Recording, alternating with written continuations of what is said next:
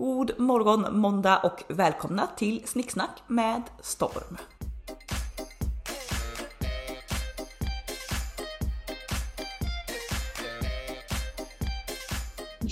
hej hej, hallå! Hallå, det var så tyst! ja men jag, jag, jag fattar inte att vi hade börjat uh, köra. Jag har ju blivit, um, alltså jag måste bara berätta, jag har ju blivit, du var ju fotat ett bröllop uh, för några veckor sedan. Mm. Och la ju ut, jag vet inte om det här var på din, alltså din eh, Anna Storm portfolio liksom hemsida eller om det var på dina sociala medier, jag vet inte.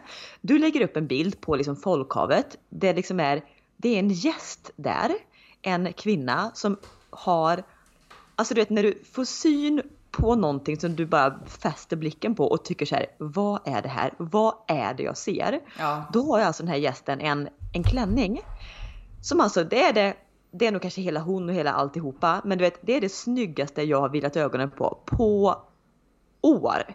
Ja. Så jag har också nu blivit, jag vet inte vem den här kvinnan är, jag vet inte var klänningen är ifrån, bla bla bla bla. Men så har ju Google och diverse sidor har ju liksom avancerat upp nu, det är ju ändå 2021, så du kan ju bildsöka. Så jag har ju nu lyckats... 2005 ringde och ville ha tillbaka sin bildsökfunktion. Det är inte, jätte, nej, det är inte jättenytt. nej, nej, nej, jag vet. Men alltså på diverse typ klädsidor så kan du bildsöka ifall det är liksom deras ja. grejer.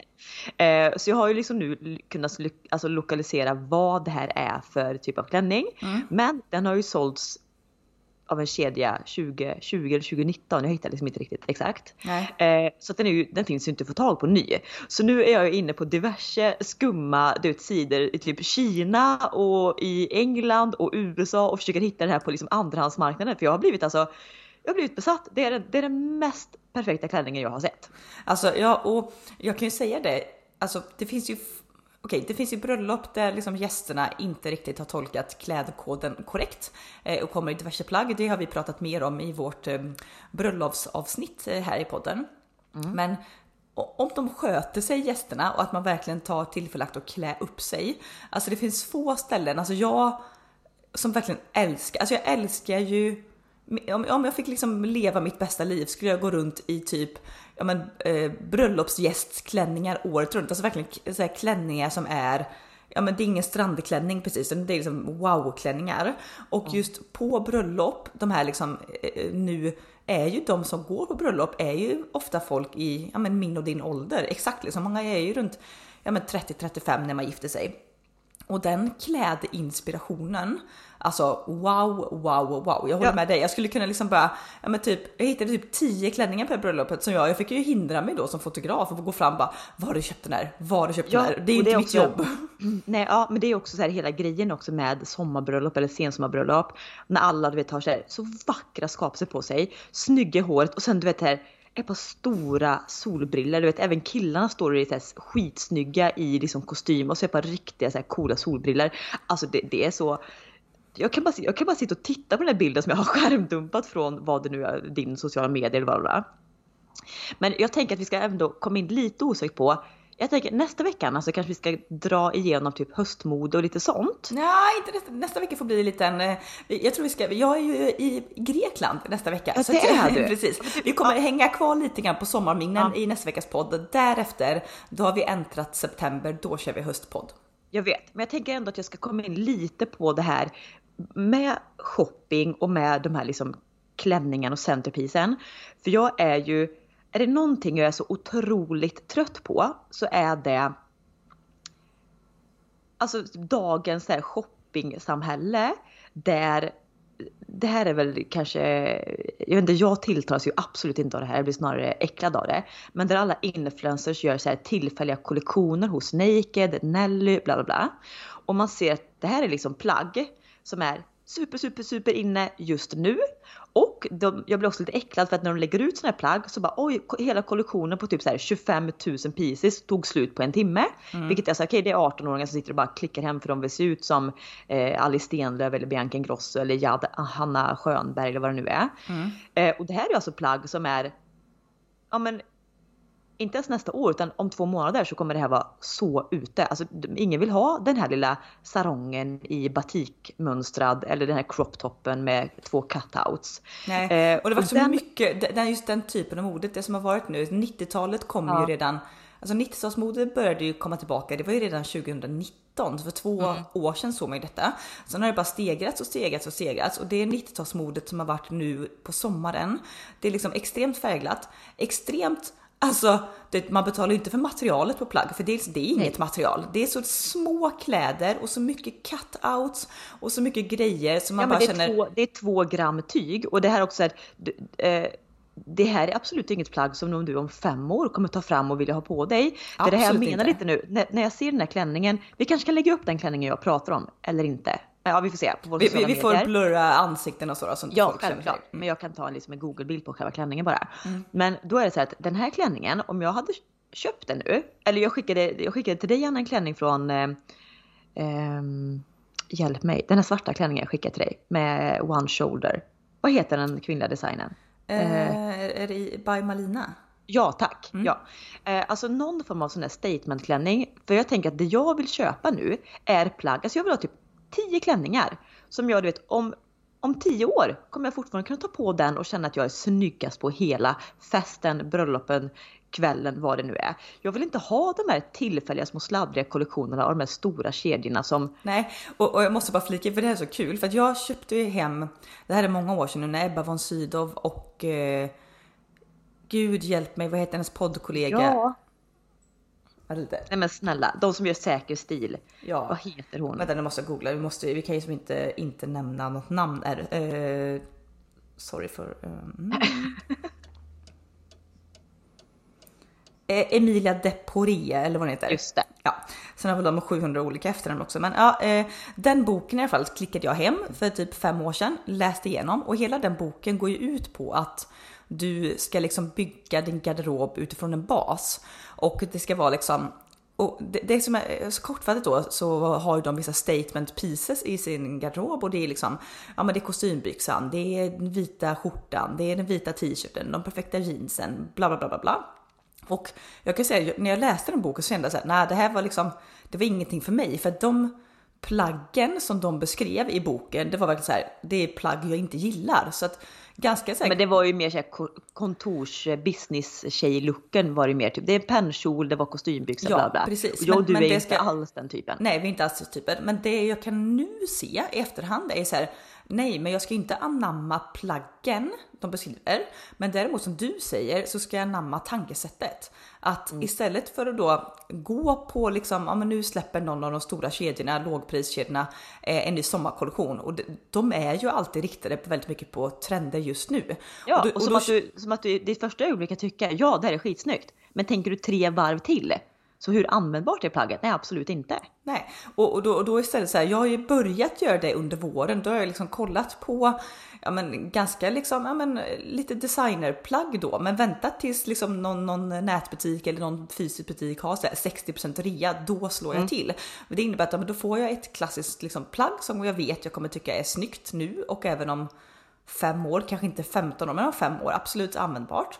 Och mm ja, men så, jag slipper den här slit och släng liksom, grejen. För att alltså, jag rensar min garderob, jag ska inte nu, 20 gånger per år. Och liksom, jag har inte mycket. Det var som en kompis eh, kom och hon sov över hos oss förra veckan för hon skulle liksom på en utbildning och sådär. Och då kom hon in och, och frågade verkligen, är det här alla dina kläder? Hon var typ lite chockad. Jag bara, ja. för du har ju också din garderob, alltså det är ju en, nu säger jag walk-in closet, det är ju liksom ett gästrum men, men du har alla dina kläder mer eller mindre synliga.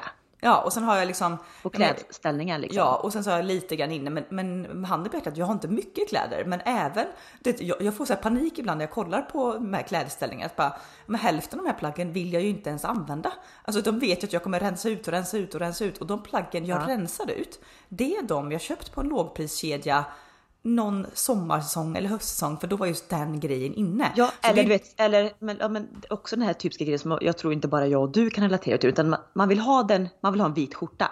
Mm. Och istället då för att kanske lägga så här 1500 kronor på en perfekt vit skjorta så slutar det med att du har åtta olika skjortor som är nästan bra från Gina Tricot, Sara, H&M, Lindex. Ja, men exakt. Men, och det, det blir ju i slutändan dyrare och inte minst för miljön. Men det, det också tycker jag är så himla kul nu som att jag känner att i år eller från och med nu så finns det chans för mig att lyckas med den här garderoben. Det är att dels att jag har kommit underfund med att nej, jag ska inte ens gå in på H&M när de har 20%. Alltså jag ska, nej, Nej, stay nej. away. Jag ska inte ens göra någon sån grej. Plus att så här, jag ska köpa färre hållbara plagg eh, som är statementplagg. Men också det här som jag och du var så inne på i våras. Om ni inte lyssnade på det lyssnare så kan ni gå tillbaka och, och lyssna på det avsnittet. Där vi pratade om hitta kläder för din kroppstyp. Ja, precis. För jag har ju den mallen så fast etsad i mitt huvud. Så går jag och tittar på en klänning, då vet jag ju att nej, jag kan inte kolla på en sån med en sån ärm eller en sån skärning. För det, även om jag tycka det är snyggt, så passar det inte mig. Så nu har jag så här, mm, jag har mina statementplagg, jag har vil, vilka skärningar, vilken längd, vilka material passar jag i. Och då har den då minimerar jag ju antalet plagg jag faktiskt kan titta på ganska drastiskt, vilket gör det så skönt. Ja, Jag för det minimerar ju...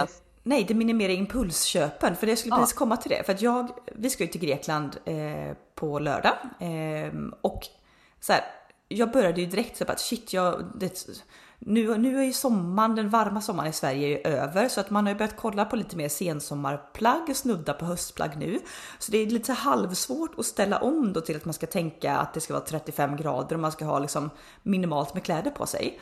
Men då börjar jag säga, nej men jag vill inte gå i butikerna, hetsköpa massa nytt bara för en vecka i Grekland. Nej, det gör jag inte. Jag får använda det jag har.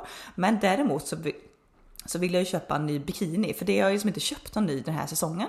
Och då, liksom, ja, men då, då, då tänkte jag det här tredje varvet runt innan jag klickade hem en bikini. För då, jag valde liksom slutligen en klassisk svart, ganska klassisk skärning. Liksom inget extra.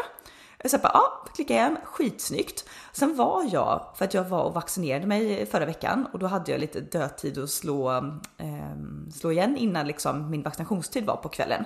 Så då gick jag in i ett köpcenter som låg i närheten och du vet, de hade ju så mycket rea på badkläder så det, redan då jag började kolla på så här neonrosa, neon, ja, men gult, Men någon sånt blommig. som är inne nu. Ja, och jag, jag, direkt var jag så bara så här, och det här var snyggt och det var ju också på typ 70% rea, kanske skulle stå till. Det höll i plaggen, bara nej, då kopplas min hjärna på, häng tillbaka plaggen, gå ut. För jag ska liksom inte, även om det här är inte mycket pengar, för, för just Men inte om- konsumtion och miljöns, exakt. Det miljöns handlar inte om pengarna, ut, ja det gör det väl, det är en del av det. Men just bara man känner sig äcklad av när man bara så kommer hem med, men så, så här, nu var det länge sedan faktiskt jag, jag kollade mitt konto, jag tror inte jag har shoppat något så här, jag tror jag har shoppat fyra klädesplagg till mig mer eller mindre på hela året, så jag är jättestolt över det.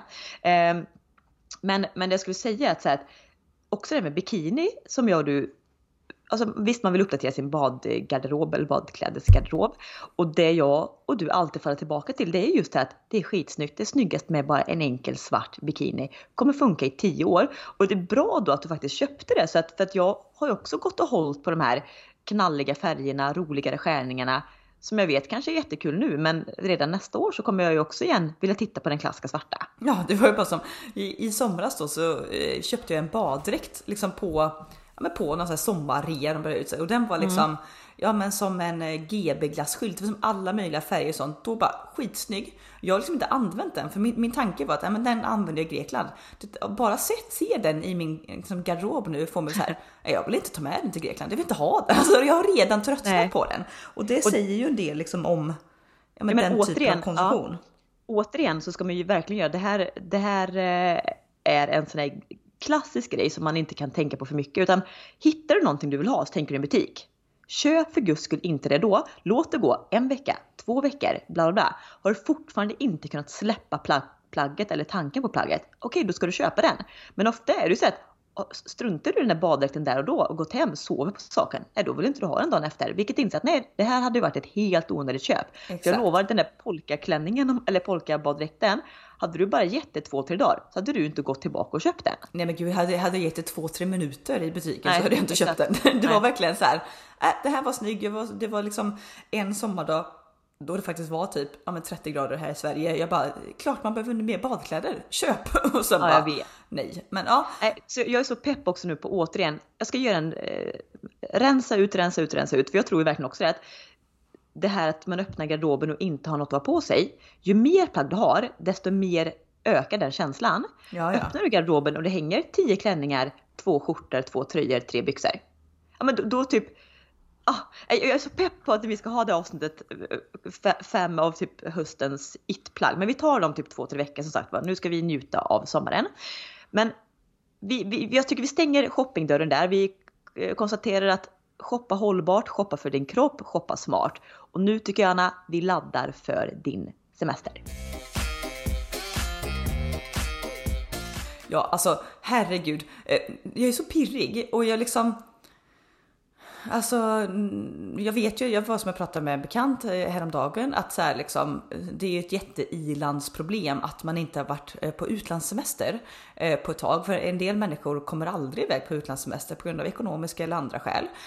Men just för min egen del, då jag är van att de sista kanske tio åren eller sju åren i alla fall göra fem utlandsresor per år, få det här och sen så vi hade ju, jag och min kille då, vi hade ju... Då ska du säga, alltså, när, du, när du säger också, bara pausa lite där, när du säger att du är van att göra fem utlandsresor, då har kanske en varit, en eller max två varit privat, resten har ju du rest i jobb. Men ja. det är ändå att du har kommit utomlands. Vi, vi ska säga det så att inte folk tror att oj, här Anna glassar iväg på weekend och lyxcharter titt som tätt. Nej precis, det vart ungefär 50-50 jobb, 50-50 som nöje privat. Eh, mm. och, eh, men det är just det här att jag och min kille hade ju, vi skulle ju förra hösten vart liksom tre veckor i USA. Det liksom corona kom, det blev inte av.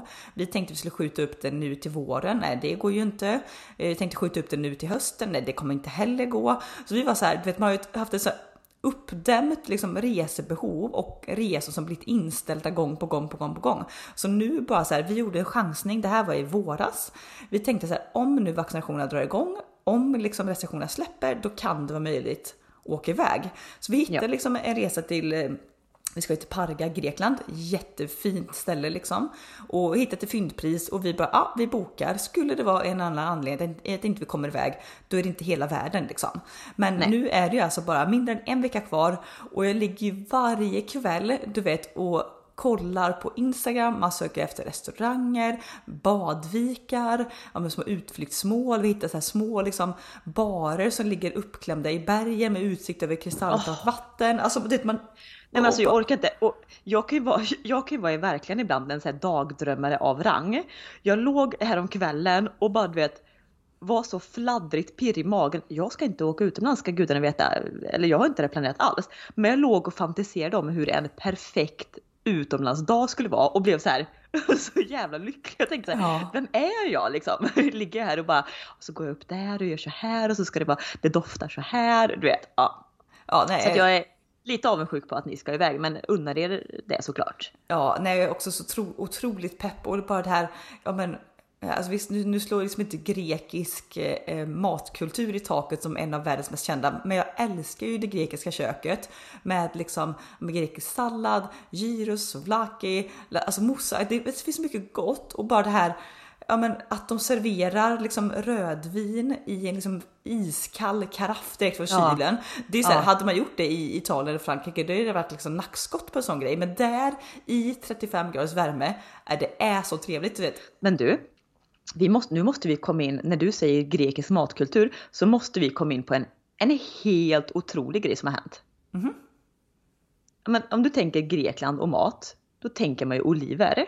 Ja just det, ja ja ja. ja. Mm. Mm. Det, här, det, här, det här är ju faktiskt en, ah, en helt otrolig grej. Oliver är ju som alla vet, det är en stenfrukt. Jag och du Anna är en, ju allergiska. En stenfrukt för de som inte vet det, det, det är frukter eller grönsaker då ja. som har bara en stor kärna. Exempel på det är oliv, eh, det är mango, avokado, körsbär, you name it. Persika, ja ja.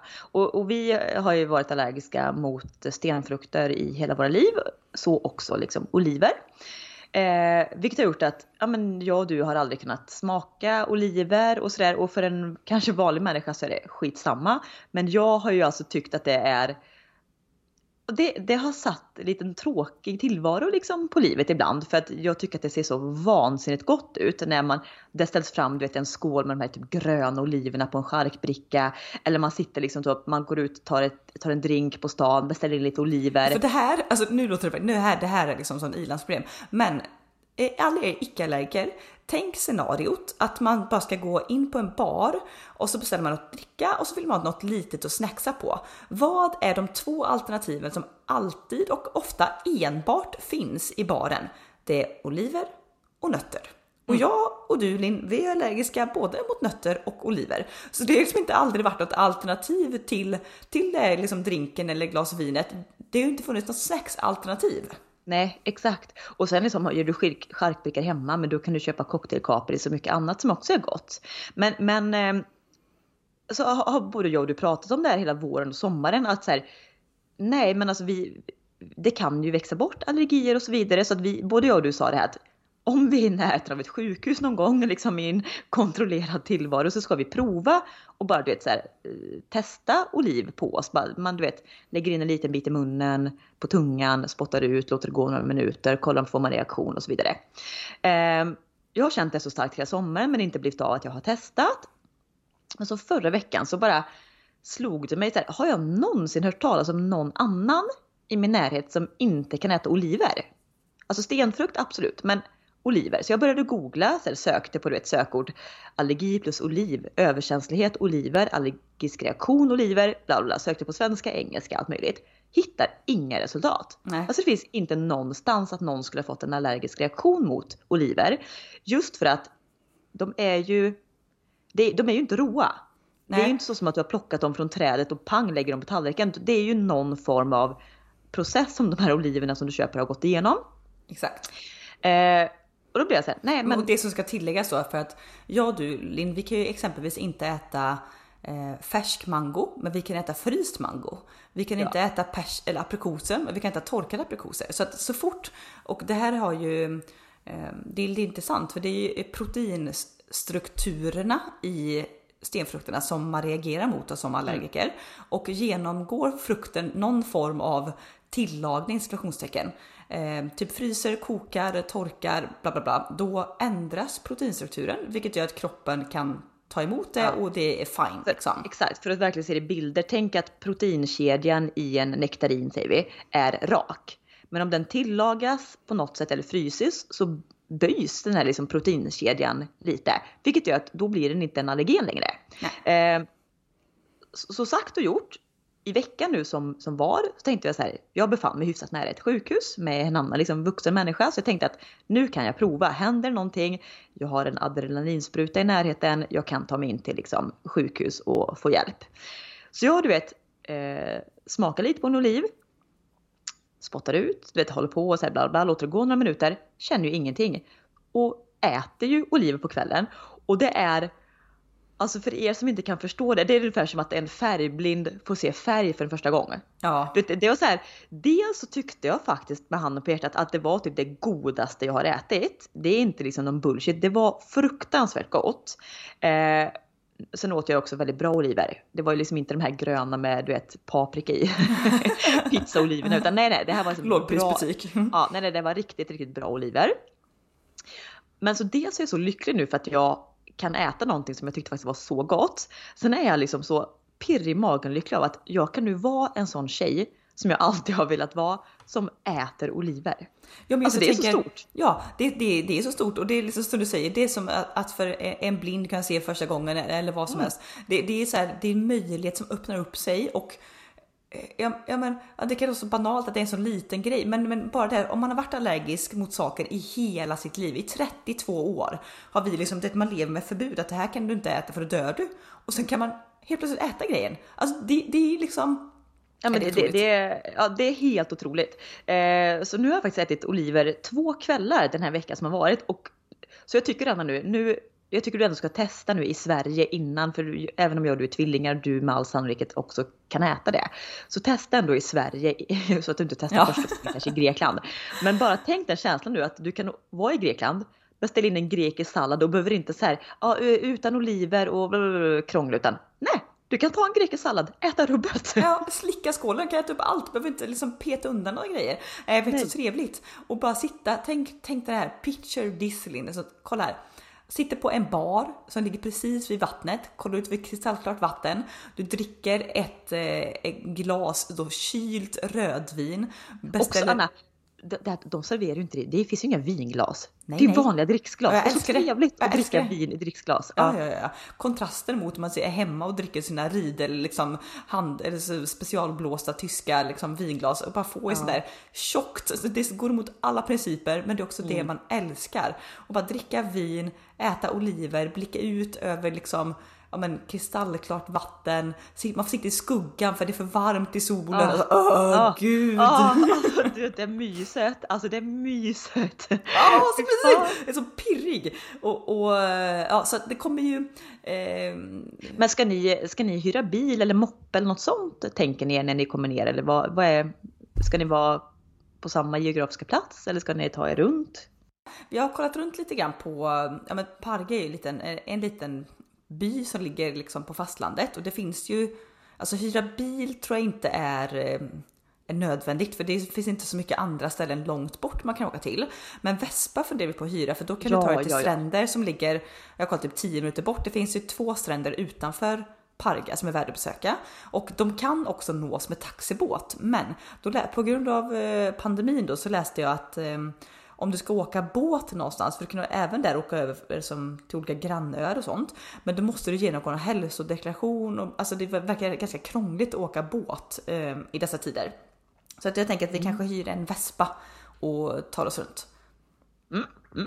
Det, lå- ja, men, men det är väl ändå väldigt trevligt att hyra Vespa för då, då kan du komma till, annars blir det så här, då får du ta dig till fots eller med kollektivtrafik. Men då blir det ju till de här publika liksom mer stränderna eller de som ligger vid typ hotellet. Ja men precis. Med, med moppe eller vespa liksom, så kan du ändå nå inte enskilda vikar för det finns väl inte idag längre. Men ändå att du kan liksom se dig omkring. Och ligga där typ en timme, åka vidare, käka lunch, liksom bla bla bla. Ja men Ja. det är trevligt. Men så trevligt. Så att ja, det får bli lite. Eh, vi, jag tänker att vi förinspelar nästa veckas podd. Så om två veckor så blir det lite recap Grekland. Mycket trevligt, mycket trevligt. Men du, en he- på tal om en helt annan sak. Gud, i fredags. Jag, jag var ju så nära eh, en panikångestattack, hjärtstillestånd, alltihopa. Vi höll ju alltså på eh, och buda på en ny bostad. Eh, och alltså du vet, den här men alltså, det, det, är inte bra. det är inte bra för ens nerver kan jag säga det och, och buda. Nej, det är inte nej. bra att sälja och det är inte bra att köpa. Nej, absolut inte. För vi, alltså till historien då hör ju att ja, men vi har ju liksom kollat lite grann på, på hus framförallt. Eh, men bostadsmarknaden ser ut som det gör, vilket gör att varje hus går liksom från utgångspris upp liksom två mil. Det är, liksom, det, det är inte hållbart. Jag läste någonstans att ehm, om du ser på bostadsmarknaden priser så har den mellan alltså 2020 och 2021 ökat i snitt 20% Det är helt sjukt liksom. Eh, På så att- kort tid liksom. Det, Ja. det är sinnes. det är sinnes. Så att nej, det, det vi började då med förra veckan var att vi bara, men vi kan gå och kolla på ett radhus för omväxlings skull. Jag vill ju helst ha friliggande villa, men vi liksom bara okej, I rest my case, vi får kolla andra möjligheter. Hittade ett radhus och det var liksom ja, men fint och bra och sådär. Men det som blev då var ju att vi började ge oss in i en budgivning när vi inte hade alla fakta på bordet. För att vi hade ju liksom, det här var första radhuset vi kollade på. Jag har liksom ingen aning om vad det är man ska kolla på när man kollar på radhus. Så finns det för servitut, vad det är för bestämmelser, regler och hur är vatten och avlopp. Alltså det är liksom, det, det var en helt ny värld. Så samtidigt som vi håller på och budar håller vi på att kolla upp de här grejerna. Ringer runt till typ ja, tio liksom, bekanta och vänner som ska också ge sin opinion på om det är ett bra köp och inte. Var ska vi stoppa budet? Du vet, det var så mycket. Eh, och du vet så här. I, liksom, I fredags då, så min eh, liksom, kille är lite mer hetsig. Han bara vi kör, vi kör, vi lägger där. Och jag bara kände, du vet, jag höll på att få magsår och någonting med för det är så mycket pengar. Alltså visst, Ja. alltså så här, sen är inte bud bindande, ni kan dra er ur. Men det var ju som du sa också, om, om ni skulle vinna budgivningen, även om det är egentligen över vad ni hade tänkt. Så framförallt din kille då hade ju inte backat och varit realistisk och bara nej men vi får nog dra tillbaka det budet. Utan ni hade ju Nej, varit så glada också- för att ni hade vunnit så ni hade bara kört på det även om det hade varit Ja, och när mäklaren också säger, när han lägger slutligt bud och hon säger då bra, lägg in det budet, då, då tror jag att affären avslutas. Då kan vi avsluta affären nu liksom. Och det, Mm. då fick jag ju panik för att visst som sagt ett bud är inte bindande, men jag vill inte vara den personen som lägger ett bud, köparen säger ja till och sen ska man som eller så säljaren säger ja till och Nej. sen ska man som köpare backa. Det, det har jag liksom inte eh, den alltså etik och moral. Det har jag lite samvete liksom. Och Nej, det är exakt. någonting med eh, och det här är så svårt. Jag försökte förklara. Vi gjorde sån här lista med liksom för och nackdelar med bostaden. Vad väger tyngst? Men magkänslan, när den inte är helt hundra. Då blir jag blir livrädd då för att göra någonting. För då känns det som att så här, Ja. men jag kan liksom inte ta på vad det är som kan bli Nej, fel. och grejen, grejen är så här att även om ett, ett objekt, att det finns grejer att göra med eller att det egentligen är för mycket pengar, bla bla. Om magkänslan är 100% rätt, då kan man bortse eller förbise ganska mycket av de andra grejerna. Ja, ja. Eh, men är inte magkänslan riktigt där, plus att man vet att det är egentligen lite för dyrt och vi har inte kollat upp alla de här grejerna som vi borde kika på egentligen. Eh, då, Nej, men- då ska man ju bara lägga sig ner och backa. Ja, och det är inte alltid så här, det är inte alltid att bara för att man kollar på tio stycken objekt innan som gör att ja, men då har man erfarenhet. Jag vet ju när jag köpte min, min första lägenhet i Uddevalla, det var första bostadsrätten jag kollade på. Har visst, det är väldigt lätt att köpa bostadsrätt om man jämför med, med hus och radhus. Men jag vet, det var första jag kikade på, men det var verkligen bara, alltså var kärlek. Så fort jag klev innanför den tröskeln, kärlek vid första ögonkastet. Jag bara, jag behöver inte kolla på något annat. Här Nej. ska jag bo. Och den känslan, den kan jag ju få när vi har gått tidigare på visningar oavsett om det är ett fullständigt ruckel vi kliver innanför dörrarna eller ett hus i tipptopp. Alltså när man får den känslan, då är jag beredd vet, att, att gå över berg, kliva över lik, vad som helst. Men när man inte får den 100% och det är en så stor deal, då är det så här, nej, då blir jag fan livrädd. Jag hade så mycket ångest i fredags. Ja, nej, men så- så var- Herregud. Så var det ju. Tänk på huset som jag bor i nu. När vi tittade egentligen på på visning, eller var, vi var ju inte ens på den riktiga visningen, vi, för den, den låg ju inte ut till försäljning när vi tittade på det. Nej. Men du vet man kommer in och man ser så här, hade jag bara liksom mina faktiska ögon, bara okej, det är, för då var huset renoverat i två, som två bostäder, två lägenheter.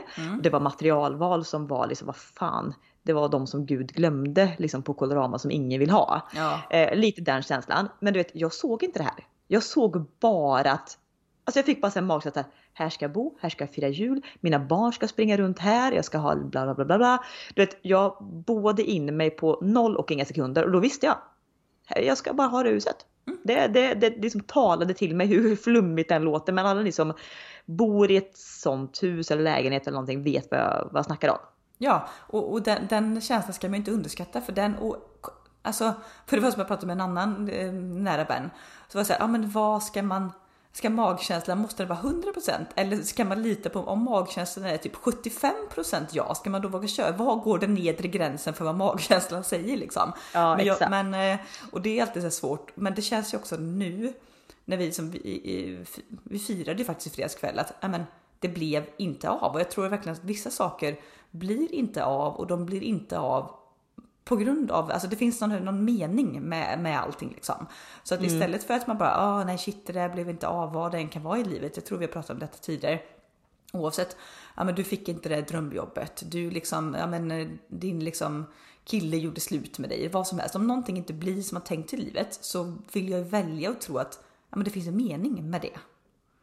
Jag tror att allt har en mening. Ja. Alltså jag tror verkligen, jag måste nästan läsa upp, för det var, jag, jag fastnade en kväll på en sån här du vet, flummig sida med diverse eh, quotes. Liksom så. Mm. På tal om Ehm. flummigt, hur går det med våra kristaller? Jag har eh, fortfarande jag hållit det lite på paus. Jag skulle Nej, vara du, ja. inne i kristallmode ett tag där.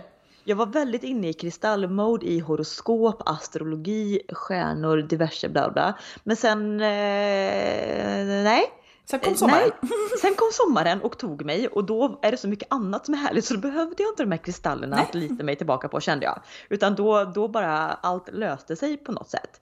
Ehm, men det här, alltså det här, ursäkta min engelska, men det här, är så, det här är så spot on hur jag tänker om väldigt mycket, vilket jag tror är också en bidragande faktor till att jag ofta är så väldigt positiv. Mm. Eh, Jag får ofta höra det och du med att så här, hur mycket skit man än varit med om så säger jag och du ställer oss alltid upp eh, och för att vi vet att det finns så mycket härligt i livet som alltså överglänser allt det tråkiga.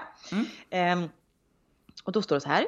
It might not make sense now, but trust that everything happens exactly when it's supposed to, to and exactly how it's supposed to. Mm. Och jag tror verkligen att så här, även om, även om någonting är som känns skit nu, bla bla bla, att allting händer av en anledning och för att det finns någonting bättre utstakat för dig. Ja, ja. Eh, och lite så här som att om någon säger att om en dörr stängs framför dig, liksom som om de- den dörren stängdes, liksom, det kan vara ett jobberbjudande eller en, en, eh, en obesvarad kärlek eller vad som helst. Mm. Då är det ju för att så här, nu säger inte jag att Gud, för jag är inte troende, men någon, liksom, så här, eller någonting har ju faktiskt stängt den dörren av en anledning. Du, ska, Ja. du skulle inte gå in där. Nej, Det- och det här är liknande, nu kommer citatmaskinen här då, men jag har också ett sånt citat som jag har liksom skärmdumpat av på min telefon. Eh, Mm. och den, det, är, det är också så här, Be thankful for closed doors, detours and roadblocks. They protect you from paths and places not meant for you. Mm, eh, exakt. Mm. Eh, Man bara- och också, jag också har den här. här. Eh, Men det här är kort, vi avslutar med den. Eh, you will end up where you're supposed to end up. Ja. Mm. Men jag, jag, jag tror verkligen det. Jag tror att det finns liksom, ja men, eh, ja, men om något inte blir av, det finns någon mening med det. Det enda, alltså jag tror verkligen, verkligen 100% på allt, att det är applicerbart på allt i livet. Utom, ja men skulle man ha någon närstående liksom som blir väldigt sjuk eller som kanske Men går sjukdomar bort. och död, nej Nej. nej nej. Det, det, det, det är exkluderat från det här. Det här Precis. tänker jag liksom mer saker som ger dig läxor i livet eller liksom svårigheter eh, eh, rent kanske känslomässigt och sånt. Ja. Men jag, jag, jag också, också nu jag och du Anna har ju en ny favoritlåt. Ja. Eh, så, som också är, Som vi inte ska sjunga på för allas trevnad. Inte nej, alls. gud nej, jag och du har sjungit den så mycket för varandra nu Vi sista. kanske kan gå ut med den låten kanske. Du, det tycker jag. Mm. Jag tycker absolut att vi går ut på den låten. Eh, och alla ni lyssnare vet att ibland när man hör en låt för första gången, det är få låtar som talar till den eller sätter sig i huvudet direkt. Ofta krävs det ju att man lyssnar på den några gånger. Men det här var en sån låt så att jag hörde den och bara, "Vä- vä- vä- vänta lite nu. Vad är det här? Och den liksom kom på på Spotify så här radio, radiofunktion, att man lyssnar på en låt och så föreslår den liknande låtar. Ja. Eh, men då, eh, nu måste jag ta, ta upp lyricsen här för jag, även om jag kan den så rinnande vatten så vill jag inte eh, säga fel. Men den, eh, den sjunger bland annat att eh, I want a life bigger than all the fears I have. Mm. Och det är verkligen så här, jag och du Anna har ju personer i, närhet, i vår närhet som inte vågar de Leva. vågar inte, men de vågar inte leva. Nej, de vågar inte söka, de kanske inte trivs på ett jobb, men vågar inte söka sig därifrån eller testa nya grejer i rädslan för att inte få det jobbet eller att inte veta vad man kan komma till. De har blivit brända i kärleksrelationer så de vågar inte gå ut och dejta igen. Och det är så, det är så långt ifrån både mig och dig. För även jag, som ni alla vet, har blivit otroligt, alltså det finns ingen, jag tror inte någon förstår hur sårad jag har varit i diverse kärleksrelationer. Men att jag inte skulle våga satsa på kärlek eller vara ute och dejta igen, det finns inte. Nej. Alltså för den, den lyckokänslan som kommer av, nu, nu säger vi kärlek då, eller eh, så här, är ju en miljard gånger större än om man skulle bli sårad igen. Ja, ja. Nej, nej, kickarna och det, det här pratar vi mycket om att kickarna för det bra i livet, det överväger ju allt det dåliga och det är ju så här. Alltså ja, du vågar ju kasta oss ut över stup gång på gång på gång på gång. Några gånger kraschar man, men de gångerna du väl flyger, ja men det är värt allt. Alltså, det, det är värt allt. värt alltså, oavsett så här, ja, men så, och det kan man applicera på ganska mycket i livet att ja, man tar sig igenom bara såna här grejer som jag tänkte på häromdagen att eh, den här Greklandsresan vi har framför oss, alltså det ska bli så fantastiskt. Men jag och du, alltså absolut dagarna innan eller veckan innan typ en resa, jag har katastroftänk tusen gånger om för jag, vi, vi är lite flygrädda så att man har ju katastroftänk. Lite. Ja, Ja, men då, man, man, vill ju göra nästan all, man vill ju göra nästan allting bara för att avboka resan. Man Ja, börjar så här, precis. nej, nej, nej, jag ska inte iväg, bla bla bla. Nej, Och det är så här, sen- men, vi låter ju inte, vi låter ju inte det hindra oss. Nej, för att man vet när man väl är på plats och när man väl är där så finns det ingenting bättre och då vill jag göra det tusen gånger om så jag vet att det är värt det. Det är värt att jag mår lite dåligt. Sen diskuterade vi också det, herregud, jag ehm, och min kille, för jag, jag är verkligen av principen, på, det här är ju, handlar om ganska mycket i livet, men framförallt resor, att jag får ja, men så här, post upplevelse depression. Gud ja. Men det är inte bara resor, det kan vara en middag man ser fram emot. Alltså den här tomheten Ja, som men- känns men den- precis efteråt. Ja, men den förstärks ju gånger tio. Jag vet, för jag, jag har verkligen Ja. sagt det till min kille. Nu låter jag som en störd person, men bland det värsta jag vet, det är så här, när man är på väg hem från en resa eller precis touchdown Landvetter liksom eh, och personen, resesällskapet man är säger så här. Åh, men nu ser jag fram emot att komma hem och börja träna och bla bla. Nej, nej, alltså, nej, nej. då då, alltså, jag får så panik då för att i min värld när jag har fått uppleva, alltså en resa är så konkret för det här det är då det nog är så starkast hos mig. När jag har fått uppleva någonting så fantastiskt som det förhoppningsvis och liksom ofta är med en resa. Mm. Det, jag vill aldrig återgå till det normala. Aldrig. Nej, aldrig. Och bara jag, tanken- jag börjar ifrågasätta mitt liv så här. Vad, vad gör jag med mitt liv? Ska man verkligen vara instängd på ett kontor mellan 8 och 5? Ja, Eh, bla, bla. varför bor Och- jag i och Sverige? Varför, alltså, man, man har Ja. så, mycket, så mycket frågor i livet och då att resa med någon och det här, det här har varit flera gånger i mitt liv med olika personer för många tycker att det är ganska gött att komma hem. komma hem Och- till och- rutiner, ja, du vet, och få laga sin havregrynsgröt till frukost. Ja. Men du vet, då, jag måste sluta. Det är samma som när folk tar på sig jeans och en höstjacka nu. Eh, Nej! Nej, nej, nej, nej, nej. Nej, nej, nej. Jag vill, jag vill, jag vill, så här, vill, vill vara kvar i det. Och det här är så här, alltså folk som inte upplever detta har så svårt att förstå mitt mindset. Men folk som, jag, jag hoppas att vi har några lyssnare som känner igen sig i det här. Att då typ landa på det. det. Jag är som en våt fläck. Jag vill liksom inte, jag vill, jag vill inte tillbaka. till- Jag vill så här, det är som en hund som vägrar gå, som bara sätter sig och vägrar. Någon får dra i koppel. Jag vill inte hem. Men sen, du vet, när jag väl har kommit hem och när jag väl har varit hemma i säg tre, fyra dagar. Då tycker jag livet är toppen och ja, det är bra att vara hemma. Men just Ja, den men just separationen från Exakt. det härliga till det vanliga. Jag tror inte, alltså det spelar ingen roll. Jag har ju provat vet att man så här, okej men då har jag, säg att man varit utomlands, man kommer hem en söndagkväll. Typ att nästa helg då så har vi en jätte, jätterolig middag att se fram emot. Det spelar liksom ingen spelar, roll. Nej, det spelar ingen För roll. jag- för det den är liksom middagen att- känns, den känns futtig i jämförelse Futtig. med det man har varit med om. Varför ska jag, eller hur, varför ska jag, jag, jag har ju levt mitt bästa liv nu. Det in- finns ingenting som kommer gå upp emot det här tänker man. Nej. Sen är det ju att när man är inne i det sen igen så tycker man att det ska bli det härligaste och man kan hinna, Ja, man kan få och den, höstpepp den och bla bla bla. sunda bla. hjärnan i mig förstår ju att du måste ha en vardag för att få uppleva och du måste ha tråkigt för att uppleva kul. Du måste ha en vardag för att få uppleva något annorlunda. Jag vet. Jag förstår det. Min nyktra hjärna förstår det. Men just där och då och just att höra någon säga att Åh, åh vad gött det ska bli. Jag ska, Nej. åh, när jag kommer hem nu ska jag, jag ska dra direkt till gymmet. Gud vad skönt Nej, att vara tillbaka nej, till rutinen. Jag kan inte andas Hanna nu. nu sluta, du kan inte säga så. jag kan, och, så jag har sagt det, för min, min kille är en sån person som han älskar att resa, men han älskar minst lika mycket, om inte mer, rutina. Så jag har sagt det nu innan. Du får inte säga så. Du får känna så, men du får inte säga det högt. Och jag, jag, okej, jag kanske förstår att jag är då den kontrollerade, vem ger mig rätten att bestämma i vår relation? Men där, det är så dåligt som jag mår på den skalan då, alltså bara utsätt inte mig för det. Nej, säg ingenting. Alltså vi åker hem, vi är enda- tyst. Det enda du får prata, exakt, det, du, ska vara, du ska vara helt knäpptyst. Eller så får du bara prata om Hur härligt vi haft kommer ihåg den här stranden Ja, det var, eller om när vi åkte här. Mm. Du, får, inte- du får inte prata att verkligheten knackar på dörren. Nej! Det, Vi, vi, nej. Det, det är förne, vi förnekar det så långt Ja, och jag vet inte går. vad är, vad är det hos mig? För jag, jag kan ju nästan nu känna att jag blir lite svettig och äh, så jag bara tänker på menar, att komma hem och det tråkiga Nej. ska vara. Det jag är, klarar inte det, det. därför det bästa var när sagt att jag, du och Emelie reste. För Ja. vi är precis likadana. Ingen av oss vill, vill prata och hur skönt det ska bli att åka till gymmet Nej. eller veckohandla Nej. eller gå och jobba eller träna. Nej, Nej. Nej, jag vill komma hem och så vill jag så här närmsta dygnet i alla fall vill jag bara. Jag vill kunna få klaga hur mycket jag vill på hur jävla tråkigt det är att vara hemma och hur dåligt allt är med Sverige och livet och vill jag drömma tillbaka mig om hur härligt vi haft det.